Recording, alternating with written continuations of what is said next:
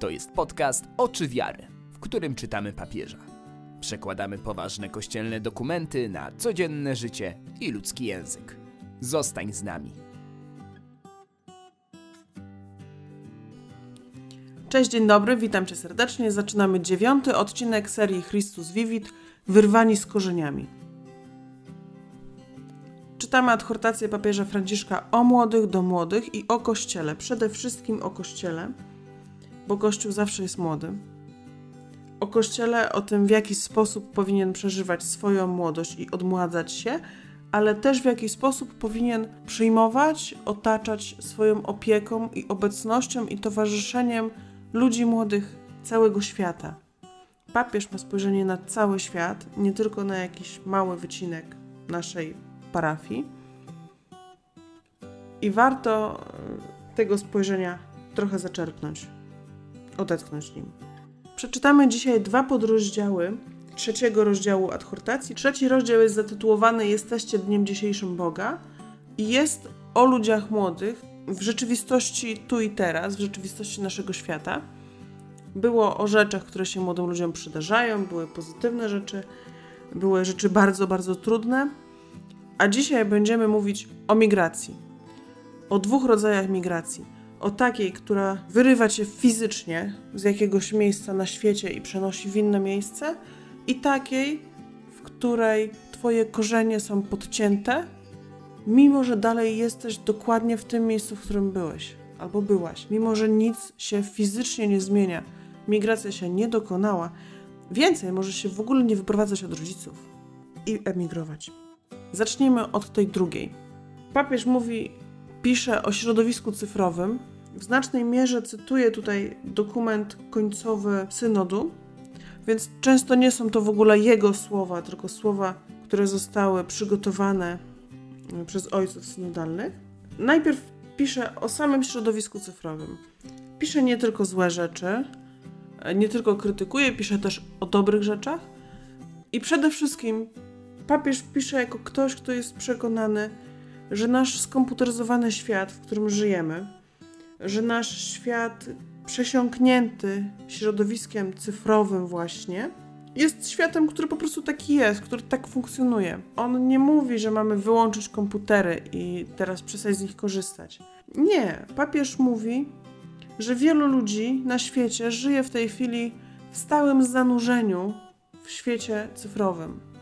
I nie chodzi mu tylko i wyłącznie o przebywanie na portalach społecznościowych, czytanie kolejnych newsów, ale chodzi o to, że cały nasz świat jest skomputeryzowany. I papież uważa, co mnie trochę zaskoczyło, że to tak napisał, ale to jest sensowne.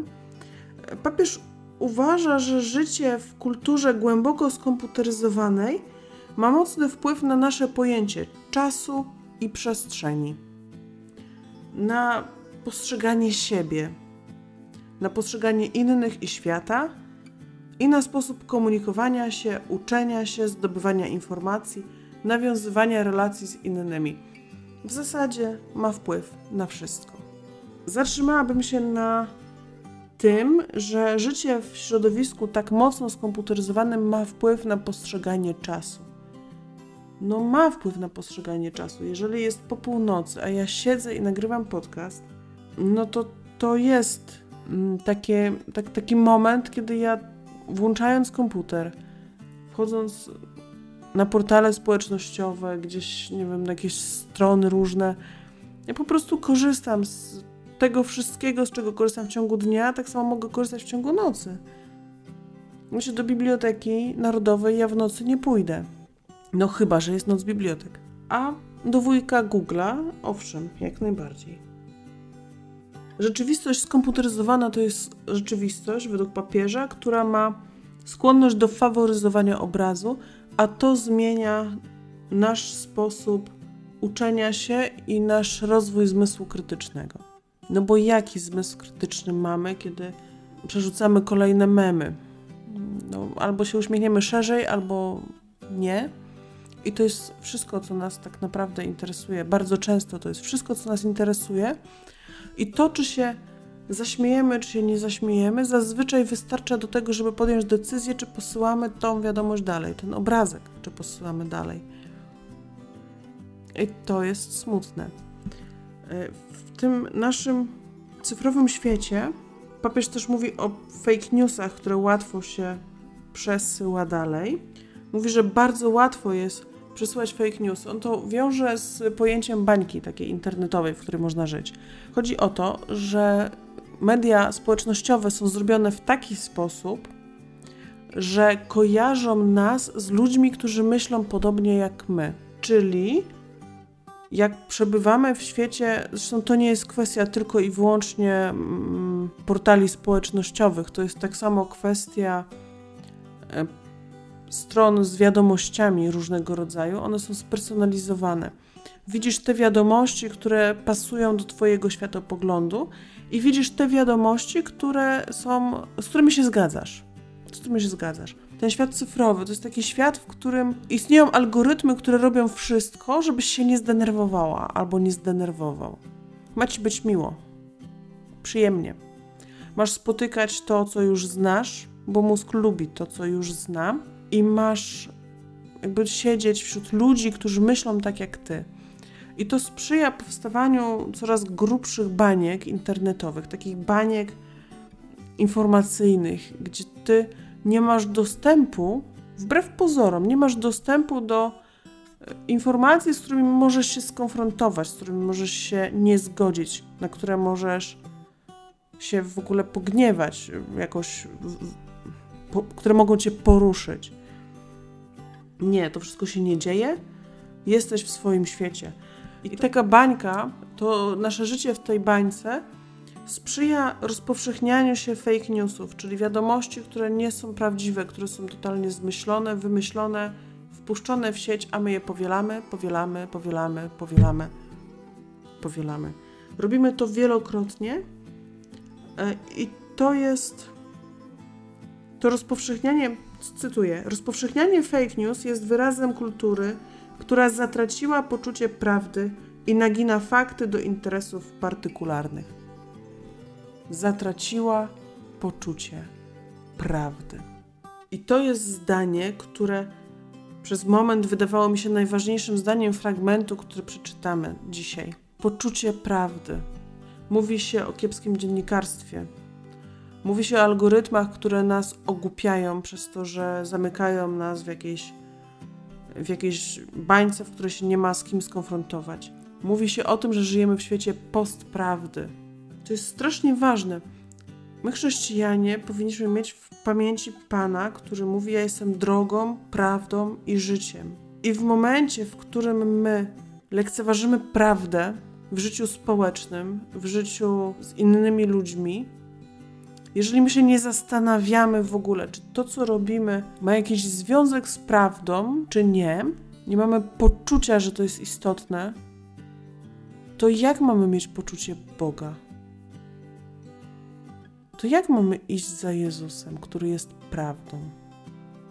I powtórzę jeszcze raz, bardzo często jedynym kryterium tego, czy jakąś wiadomość chcemy posłać dalej innym ludziom, albo czy chcemy w ogóle o niej mówić z innymi ludźmi, z mężem, z żoną, z przyjaciółmi, z rodzicami, z dziećmi. Jest poziom emocji, który to w nas wywołuje i jakiś chwilowy, jakaś chwilowa satysfakcja. To nie musi być zadowolenie, to nie musi być śmieszne samo w sobie. Wystarczy, że nas satysfakcjonuje, że o tym mówimy, myślimy. A prawda czasem bywa trudna prostu trudne.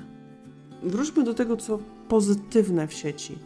Papież powiedział, że e, świat cyfrowy, że nasze uczestnictwo w świecie cyfrowym jest wymiarem naszego uczestnictwa w życiu społeczno-politycznym. Czyli nie można już wyłączyć komputerów i żyć w świecie z innymi ludźmi w sposób aktywny. Coś w tym jest. To znaczy, można działać lokalnie i ja do tego bardzo zachęcam, ale aktywna postawa obywatelska wymaga również działań w internecie, również w sieci. Papież zwraca też uwagę, Franciszek zwraca uwagę na to, że sieci internetowe i społeczne nasze są bardzo ważne. Są przestrzenią angażowania w ogóle znajdowania, docierania do ludzi młodych i angażowania ich również do działalności duszpasterskiej, do jakiejś aktywności duszpasterskiej. Nie można już robić duszpasterstwa bez internetu. Znaczy, można, no można, można. Natomiast mówi, że to jest, to jest taka nieodzowna przestrzeń, taka ważna przestrzeń. Te wszystkie wydarzenia na, na jakichś Facebookach, te wszystkie strony internetowe, na których każdy w tej chwili sprawdza informacje na stronach internetowych. Mówi się, że jak czegoś nie ma w internecie, to tego nie ma w ogóle. Nie jest to prawdą, ale jak czegoś nie ma w internecie, to to trudno znaleźć. I tak sobie teraz myślę, jak wybrzmiało to, że trudno znaleźć to, czego nie ma w internecie, to pomyślałam, że te rzeczy, które są najważniejsze, są poza internetem. Naprawdę są poza internetem i, i chyba przez to też trudno je znaleźć wielu, wielu z nas. Wiecie, relacje z innymi ludźmi, przyjaźń, to, że możesz na kogoś liczyć, to jest poza internetem. Papież pisał w którymś momencie, że niezdrowe jest mylenie komunikacji z wirtualnym kontaktem. Komunikacja to coś znacznie więcej niż wirtualny kontakt, niż like, niż komentarz, niż jakieś mignięcie zdjęciem. Komunikacja to coś poza wirtualnym kontaktem. I on wspomina o tym gdzieś w trakcie, w trakcie mówienia e, o świecie cyfrowym. Wspomina też później, że relacje w świecie cyfrowym, e, bardzo często w wirtualnym, bardzo często są nieludzkie.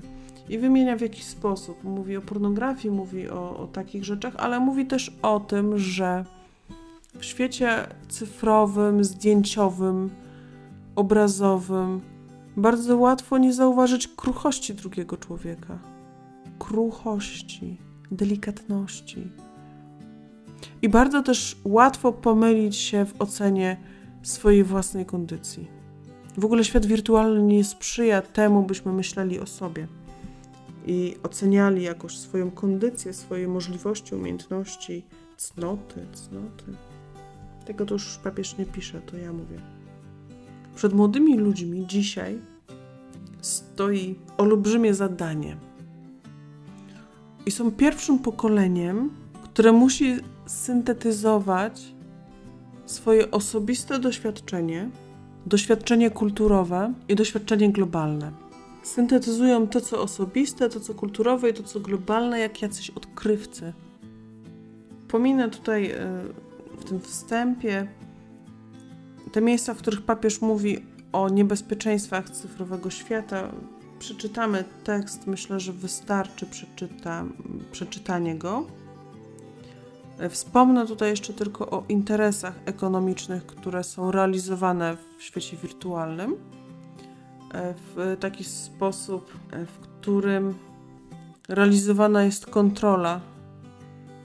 Uruchamiane są pewne mechanizmy kontroli, subtelne, jak również inwazyjne. I są też mechanizmy, które są mechanizmami manipulacyjnymi. Łącznie z tym, że zmanipulowane są procesy demokratyczne. I trzeba mieć pewną świadomość, że to tak wygląda. Trzeba mieć świadomość tego, że życie w świecie wirtualnym bardzo często jest życiem, w którym się mierzymy z samotnością i nie tylko z nią, a jednocześnie zostawmy sobie tą perspektywę, w której świat wirtualny jest światem, w którym jesteśmy zanurzeni i który jest nam w tym momencie potrzebny do życia społecznego. Tylko nie mylmy, nie mylmy kontaktów wirtualnych z prawdziwą komunikacją. Na komunikacji składa się znacznie więcej. My się musimy dotykać, my się musimy widzieć. Czasem musimy poczuć zapach drugiego człowieka. To też są sygnały, które wysyłamy sobie nawzajem i one są ważne. Mam mm, przyjaciół, których poznałam w świecie wirtualnym, ale z tego wirtualnego świata my zeszliśmy na płaszczyznę realną, bo inaczej się nie da budować przyjaźni. I nie chcę tutaj obrażać tych ludzi, którzy są w relacjach tylko wirtualnych z kimś bo jestem przekonana, że są sytuacje, kiedy się inaczej nie da. Czasem przez lata relacje są głównie wirtualne, Ale kontakt, spotkanie, spojrzenie w oczy to są naprawdę ważne rzeczy, naprawdę ważne rzeczy. Jeszcze druga migracja, też wyrywająca z korzeniami, właśnie wyrywanie z korzeniami w migracji, w cyfrowej migracji, o której papież pisze, polega na tym, że tak bardzo wsiąkamy w świat wirtualny, że tracimy kontakt z rzeczywistością do tego stopnia, że bardzo często tracimy też kontakt z tym światem, z którego wyrastamy, z korzeniami, z naszymi przodkami. To brzmi strasznie, ale strasznie poważnie. Ale tak, z naszymi przodkami, z, z tradycją, z której wyrastamy. E, często kreujemy też jakoś swój wizerunek w sieci, i to jest taki wizerunek, który nie uwzględnia tego, gdzie siedzimy, gdzie jesteśmy. To jest taka migracja, cyfrowa migracja, która pozbawia człowieka jego poczucia zakorzenienia we wspólnocie, w społeczności. To jest bardzo niebezpieczne. Żeby temu przeciwdziałać, bo wszyscy mieszkamy w Polsce. Polska jest krajem, gdzie komputery istnieją i mają się dobrze, i dostęp do nich jest coraz to większy, jest bardzo duży. I ja bardzo zachęcam do tego, żebyśmy, wiedząc o niebezpieczeństwach świata wirtualnego, próbowali spotykać się z ludźmi wokół nas, rozmawiać z sąsiadami, zapraszać ich na kawę, herbatę, na ciasto. Żeśmy robili zakupy w sklepikach tych osiedlowych, bliskich, niedalekich a jak już się tam idzie na zakupy, to, to warto spytać, co słychać u tego, kto nam sprzedaje, albo coś powiedzieć, nawet i o tej pogodzie. Ale naprawdę warto rozmawiać z ludźmi koło nas. I to jest coś, czego jeśli nie robisz automatycznie, odruchowo, bo są ludzie, którzy robią takie rzeczy odruchowo i w ogóle nie muszą o tym myśleć, to myśl o tym. Myśl i ucz się i próbuj i, i staraj się, cały czas się staraj. Bo to jest ważne, to, to jest w tym momencie kluczowa rzecz, moim zdaniem, kluczowa rzecz do zachowania zdrowych relacji społecznych. E, takich relacji, które teraz są bardzo, bardzo rozrywane. Bardzo rozrywane. To ta płaszczyzna relacji, moim zdaniem, jest w tej chwili czymś najważniejszym do, prac do pracy Papież wspomina również o migracji tej fizycznej, gdzie jedni wyjeżdżają ze swoich krajów z różnych powodów i ze strachu przed wojną i z, i z powodu wojny, może tak, bo to, to nie jest kwestia tylko strachu, to jest kwestia niemożności życia w kraju ogarniętym wojną. I z powodu wojny, i z powodów e, jakichś ekonomicznych migracji, ktoś może szukać lepszego miejsca dla siebie na ziemi ludzie uciekają z powodu skrajnego ubóstwa. Z różnych względów ludzie zmieniają swoje miejsca zamieszkania i przebywania, narażając się na wiele trudności i cierpień. Mm, są też ludzie, którzy są pociągnięci kulturą Zachodu, papież pisze, i czasem mają nierealistyczne oczekiwania wobec Europy, wobec Zachodu. I ci ludzie są bardzo mocno narażeni na działanie wszelkiego rodzaju oszustów, handlarzy ludźmi itd. Tak Papież przestrzega, żeby w świecie, w którym ruchy migracyjne są i będą, bo to nie jest coś przygodnego, to jest pewna rzecz, która z nami zostanie, żebyśmy nie dali się wpędzić w taką mentalność ksenofobiczną, żebyśmy nie dali się jeden drugiemu przeciwstawić. Jeden młody drugiemu młodemu. Na to trzeba bardzo uważać, dlatego że w mentalności ksenofobicznej, w zamknięciu się, w skupieniu się na sobie, na skutek obaw, alarmów, które często są manipulowane politycznie, my zamykamy się też naprawdę naszą chrześcijańską prawdę o tym, że my wszyscy tutaj jesteśmy przybyszami i my wszyscy tutaj jesteśmy w drodze. Oznacza to też, że jesteśmy tu przygodni. To, co tu posiadamy, jest nam dane na chwilę. Poza tymi ludźmi, którzy migrują, cierpią, podnoszą pewne ryzyko, czasem umierają w drodze, E, duże straty ponoszą też wspólnoty, z których ci ludzie wyszli. Nie wiem, czy o tym czasem myślisz. E, wyszli ci, którzy byli najbardziej przedsiębiorczy i najbardziej odważni. Zostają zwykle słabsi. I czasem to skazuje wspólnotę, tą, która została, na śmierć. Na... Jest dużym zagrożeniem dla wspólnoty, może tak. I przepraszam Cię bardzo, mam poczucie, że ten odcinek jest. To, co mówię, jest bardzo chaotyczne. Zastanawiam się nad treściami, nad, nad treścią tego wstępu, nad tym, co bym tutaj chciała powiedzieć. I chciałabym powiedzieć wiele różnych rzeczy, które jakoś. jakoś tak. Mm, pewnie sygnalizuje, albo nie, albo nie tak dobrze, jakbym chciała.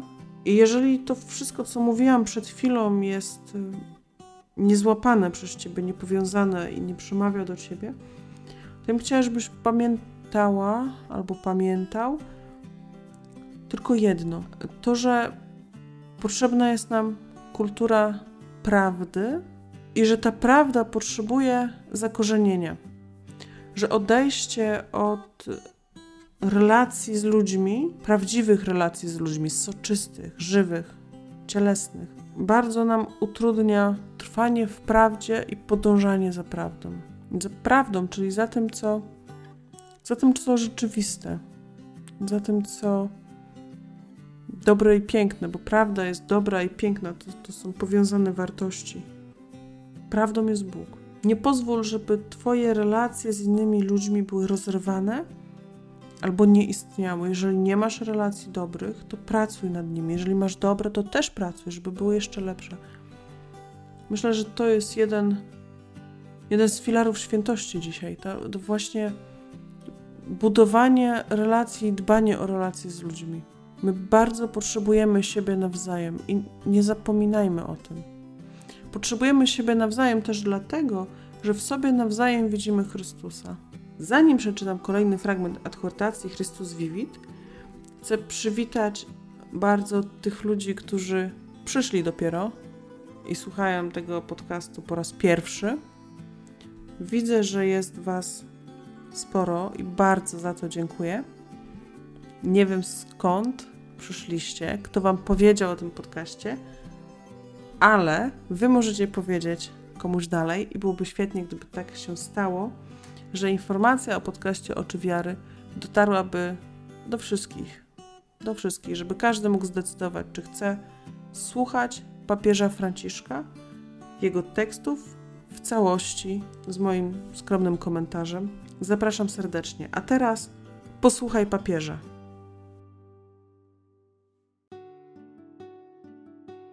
Chrystus vivit Rozdział trzeci, punkty od 83 do 94. Podrozdział Środowisko cyfrowe. Cechą współczesnego świata jest środowisko cyfrowe. Znaczna część ludzkości jest w nim stale i codziennie zanurzona. Nie chodzi już tylko o używanie narzędzi komunikacji, ale o życie w kulturze głęboko skomputeryzowanej która ma bardzo mocny wpływ na pojęcie czasu i przestrzeni, na postrzeganie siebie, innych i świata, na sposób komunikowania, uczenia się, zdobywania informacji, nawiązywania relacji z innymi. Podejście do rzeczywistości, które ma skłonność do faworyzowania obrazu, a nie słuchania i czytania, wpływa na sposób uczenia się i rozwój zmysłu krytycznego.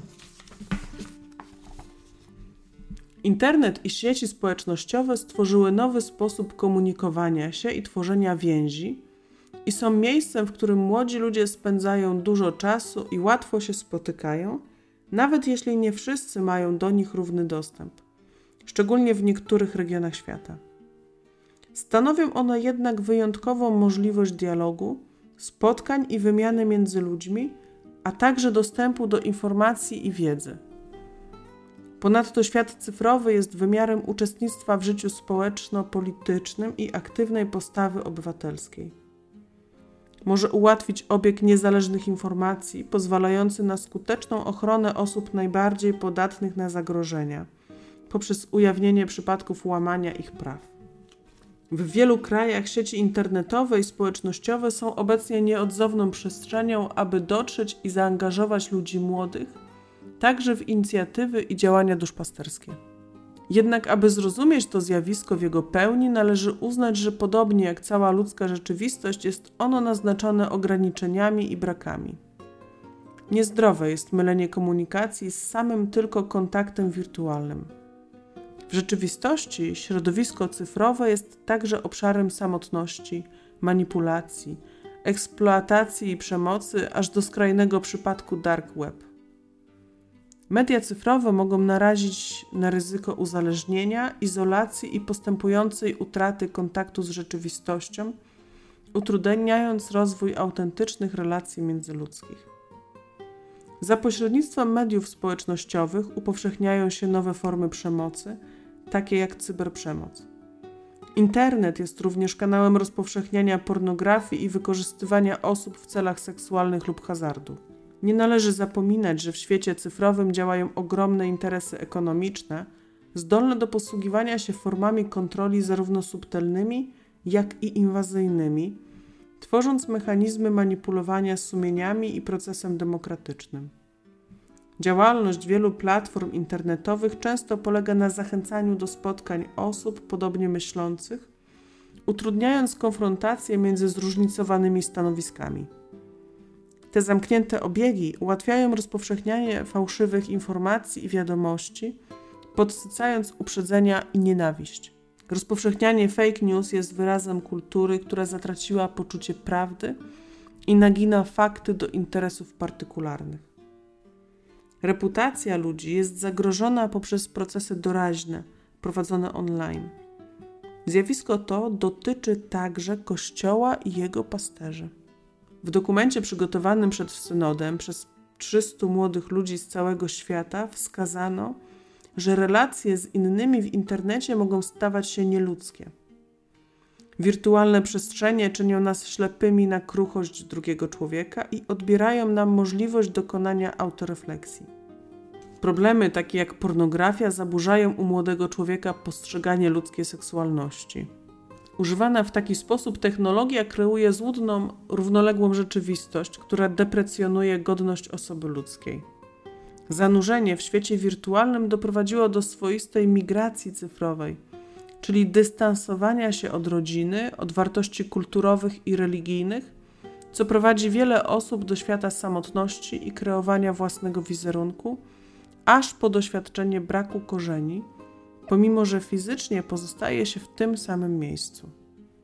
Nowe i jak najpełniejsze życie ludzi młodych, które dąży do potwierdzenia swojej osobowości i na nie nalega, staje dziś przed nowym wyzwaniem interakcji ze światem realnym i wirtualnym, w którym młodzi wkraczają samodzielnie jak na nieznany kontynent. Dzisiejsza młodzież jest pierwszą, która dokonuje tej syntezy między tym, co osobiste, tym, co jest specyficzną właściwością każdej kultury, a tym, co jest globalne. Wymaga to jednak, aby udało im się przejść od kontaktu wirtualnego do dobrej i zdrowej komunikacji. Podrozdział Imigranci jako paradygmat naszych czasów. Jakże nie przypomnieć tak wielu młodych ludzi bezpośrednio dotkniętych migracją? Zjawiska migracyjne stanowią na całym świecie zjawisko strukturalne, a nie przejściowy stan wyjątkowy. Migracja może odbywać się na terenie tego samego kraju lub między różnymi krajami. Troska o Kościół dotyczy w szczególności uciekających przed wojną, przemocą, prześladowaniami politycznymi lub religijnymi, klęskami żywiołowymi, a także ze względu na zmiany klimatyczne i skrajne ubóstwo. Wielu z nich to ludzie młodzi. Ogólnie rzecz biorąc, szukają oni szans dla siebie i swoich rodzin. Marzą o lepszej przyszłości i chcą stworzyć warunki, aby do tego dążyć. Migranci przypominają nam o pierwotnej kondycji wiary, a mianowicie o byciu gośćmi i pielgrzymami na ziemi. Inni migranci są pociągnięci kulturą zachodnią, mając niekiedy nierealistyczne oczekiwania, które narażają ich na poważne rozczarowania.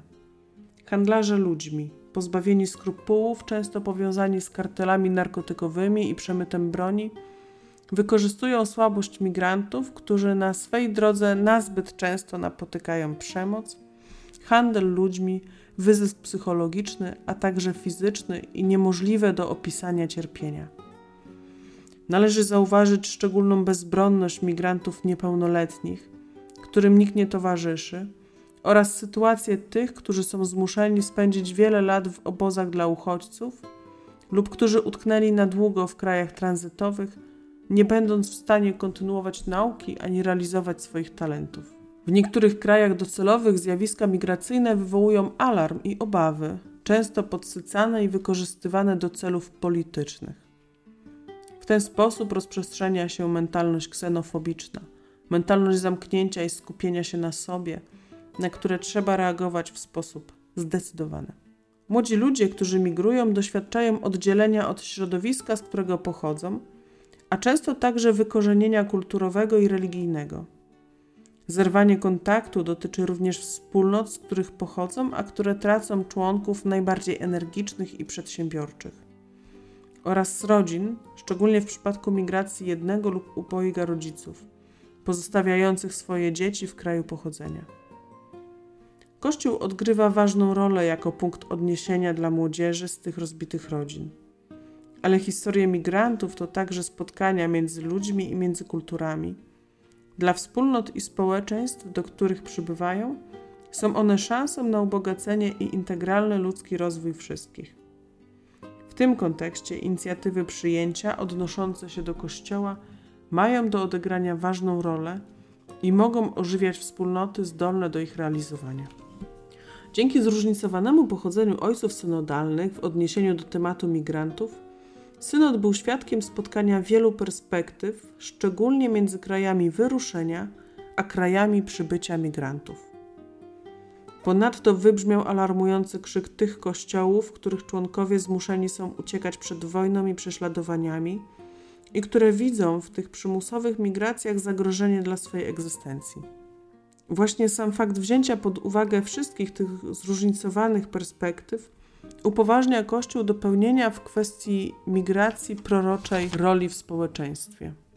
Proszę szczególnie ludzi młodych, by nie wpadli w sieci tych, którzy chcą ich przeciwstawić innym młodym, przybywającym do ich krajów, opisując ich jako osoby niebezpieczne i tak, jakby nie posiadali oni takiej samej, niezbywalnej godności, jaką ma każda istota ludzka.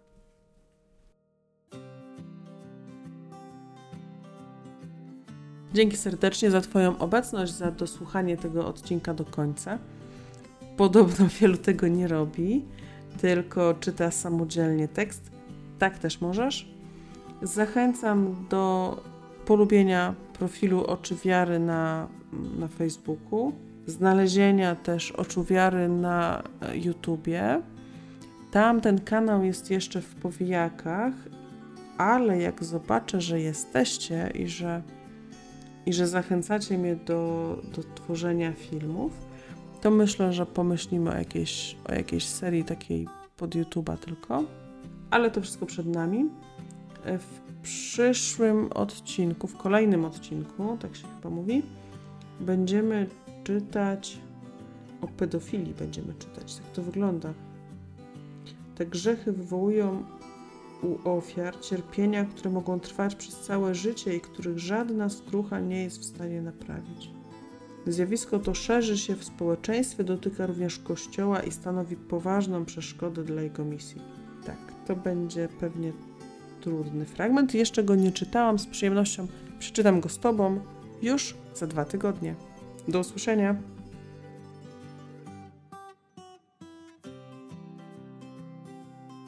To był podcast Oczy Wiary. Zajrzyj na stronę www.oczywiary.pl po więcej treści. Zachęcamy też do kontaktu. Mail kasia Do usłyszenia.